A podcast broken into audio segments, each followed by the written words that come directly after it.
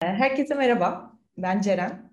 Data Management Turkey organizasyonunun bir üyesiyim. Bugün Data Management Turkey ve ülkemizdeki data management sektörü hakkında konuşacağız. Dataya dokunan kodların kalitesini arttırmak ve sektördeki veri yönetimi üzerine farkındalığın arttırılması amacıyla kurulduk aslında. Ve bu amaçlar doğrultusunda da bir ekosistem yaratmak istiyoruz. Bununla birlikte etkinlik, konferans ve atölyelerle bir arada olacağız e, kariyerlerini data üzerine kurmuş olan e, üç uzman arkadaşımızla birlikteyiz. E, şimdi onlara şirketlerinde data ile ilgili neler yapıldığını ve ne gibi yöntemler kullanıldığını soracağım. E, kısaca onların gözünden datanın öneminin ne olduğunu öğreneceğiz. E, öncelikle sizleri tanıyalım. Kürşat abi başla istersen. Merhaba, e, ben Kürşat Topçuoğlu. E, yaz stajım sırasında data domaine giriş yaptım. Yaklaşık 9 yıldır da e, data alanında çalışarak ekmek yiyorum diyebilirim farklı şirketlerde, farklı teknolojilerle çalıştım.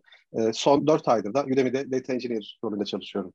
Özgür buyur sen devam et abi. 13-14 senedir sektördeyim. Bunun 10-11 senesini data üzerine e, çalışarak geçirdim. E, şu anda da e, Delivery Hero'da çalışmaya devam ediyorum. Merhabalar ben İlker. E, benim de yaklaşık herhalde e, 11-12 yıl oldu data ile uğraşıyorum en başından beri e, keyifle de çalışıyoruz. Daha önce belli sektörlerde, belli yerlerde hep beraber çalıştığımız e, resimler de oldu. Şimdi yollarımız ayrıldı.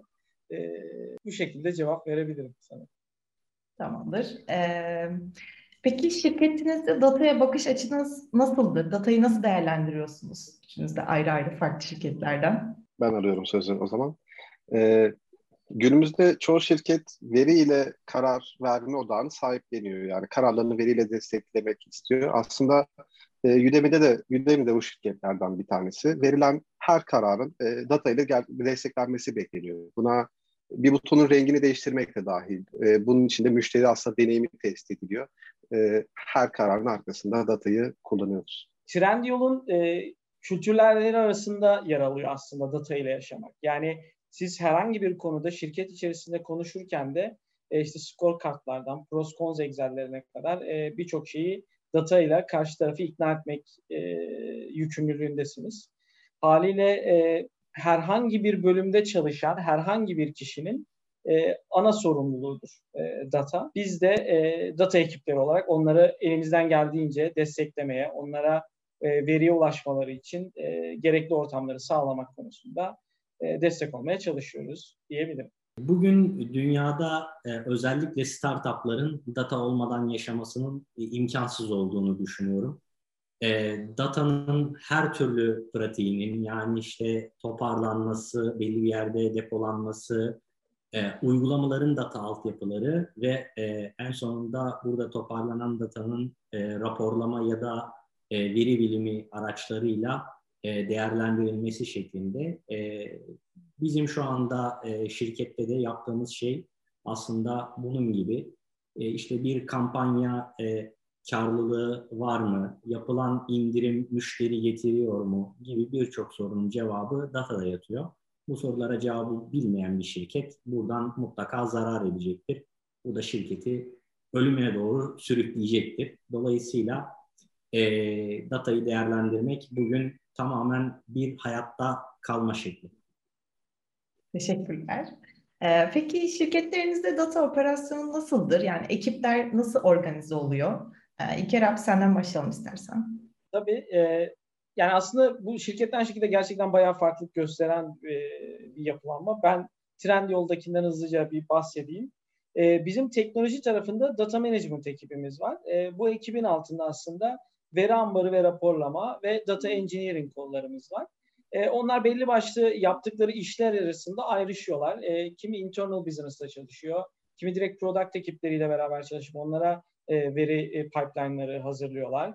E, aynı zamanda bu ekipler e, hem business'a hem internal product'lara hem de e, data science ekiplerine sağladıkları platformlar üzerinden veriye ulaşmalarını sağlıyorlar. Bunun dışında şirket içerisinde e, analitik e, takımlar da var. E, daha business ekiplerinin, business ekiplerinin içerisinde çalışan ve e, ad hoc e, erişimlerle business'a insight sağlamak üzerine görevli ekipler. E, bu ekiplerimiz business tarafta. Bir de data science ekibimiz var. O da yine business'ların e, beraber çalışıp onların bir parçası olarak onların sorunlarını çözmek üzerine geliştirdikleri algoritmaları e, hayata geçiriyorlar. E, burada da bizim data management olarak verdiğimiz platformlar üzerinden dataya erişimlerini sağlıyorlar e, diyebilirim ve sözü Özgür'e bırakayım.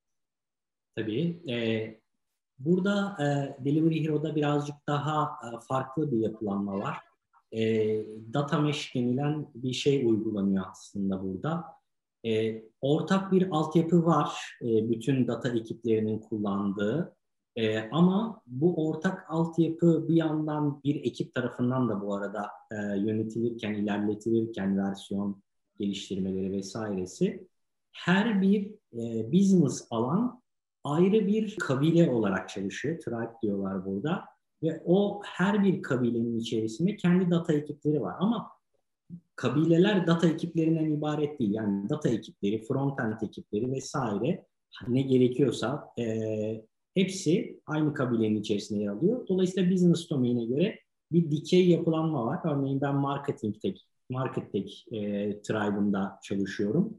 Ve e, bambaşka işte Central DVH denilen bir e, işte kabile var. E, lojistik ayrı bir kabile vesaire vesaire şeklinde e, bir şekilde yapılanmaya gidilmiş. Bunun dışında Ayrıca business ekiplerinin içerisinde zaman içerisinde kendi teknik ihtiyaçlarını çözmek için e, işe aldıkları e, ve orada yavaş yavaş ekipleşmiş e, küçük gruplar da bulunabiliyor. E, ve sık sık organizasyon değişiklikleriyle bu ekipler büyüdüklerinde teknoloji ekibinin altındaki bu tribe'lara dahil ediliyor ya da ayrı bir tribe olarak teknoloji ekibinin altına gelmiş oluyorlar. Udemy'de de aslında Özgür'ün bahsettiği yapıya paralel bir e, organizasyon şemamız var. E, ortak bir data platformu var. Bu platformun sahipliği, sağlığının ve geliştirilmesi e, data platformu ekibinde. E, data Products ekibi var. Bu ekip e, katalog search, recommendation modülleri ve e, diğer machine learning uygulamalarının sahibi aslında bu ekipte. Ve Decision Science ekibimiz. E, bu ekip de kendi içerisinde biraz bölümleniyor. Altında Business Intelligence ekibi e, core data modellerinin sahiplenmesi, intelligence kurallarının, standartlarının belirlenmesini e, sahiplenmiş durumda ve domain dikeyinde e, product, marketing, e, Udemy for Business gibi yine domain ekipleri var Decision Science ekibi altında. Peki data problemlerinde hangi çözüm yöntemleri kullanılıyor? Sefer Özgür abiden başlayalım. Biz burada e, öncelikle orchestration için Airflow kullanıyoruz. E, Airflow üzerinde e, internal olarak geliştirilmiş bir framework var. Bu framework sayesinde çok sık e, uygulanan bazı e, veri akışları e, sadece parametreler belirtilerek çalıştırılabiliyor. Bunun bir YAML dosyasında bir konfigürasyonu yapılıyor ve bu şekilde çalışması sağlanıyor. Dolayısıyla sadece SQL ve YAML dosyalarıyla e, Airflow üzerinden bir çalışma sağlanabiliyor. Tabii ki bu yeterli değil. E, yeterli olmadığı noktada da klasik yöntemle devam edilebiliyor. Haliyle Python kullanıyoruz kodlarımızı geliştirmek için. E, bunun haricinde altyapı olarak da e, mevcut e, Amazon Cloud altyapısından e, Google Cloud altyapısına geçiş yapılmaya çalışılıyor. Database olarak da Redshift'ten BigQuery'e geçiş yapıyoruz şu anda. Bunlar elimizdeki projeler aslında. Peki Udemy'de bunlar nasıl yapılıyor Kuşak? E, Udemy'de de e, sondan başlamak gerekirse Redshift kullanıyoruz analitik veri tabanı olarak.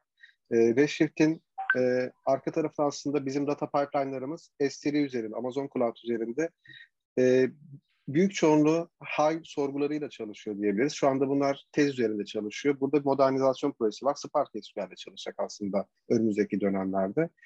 E, orchestration tool olarak burada yine bir modernizasyon süreci içerisindeyiz. E, Pinball kullanıyoruz. Pinterest'in open source task orkestration tool'u. E, paralelde e, bir yandan da Airflow geçişimiz şu anda devam ediyor.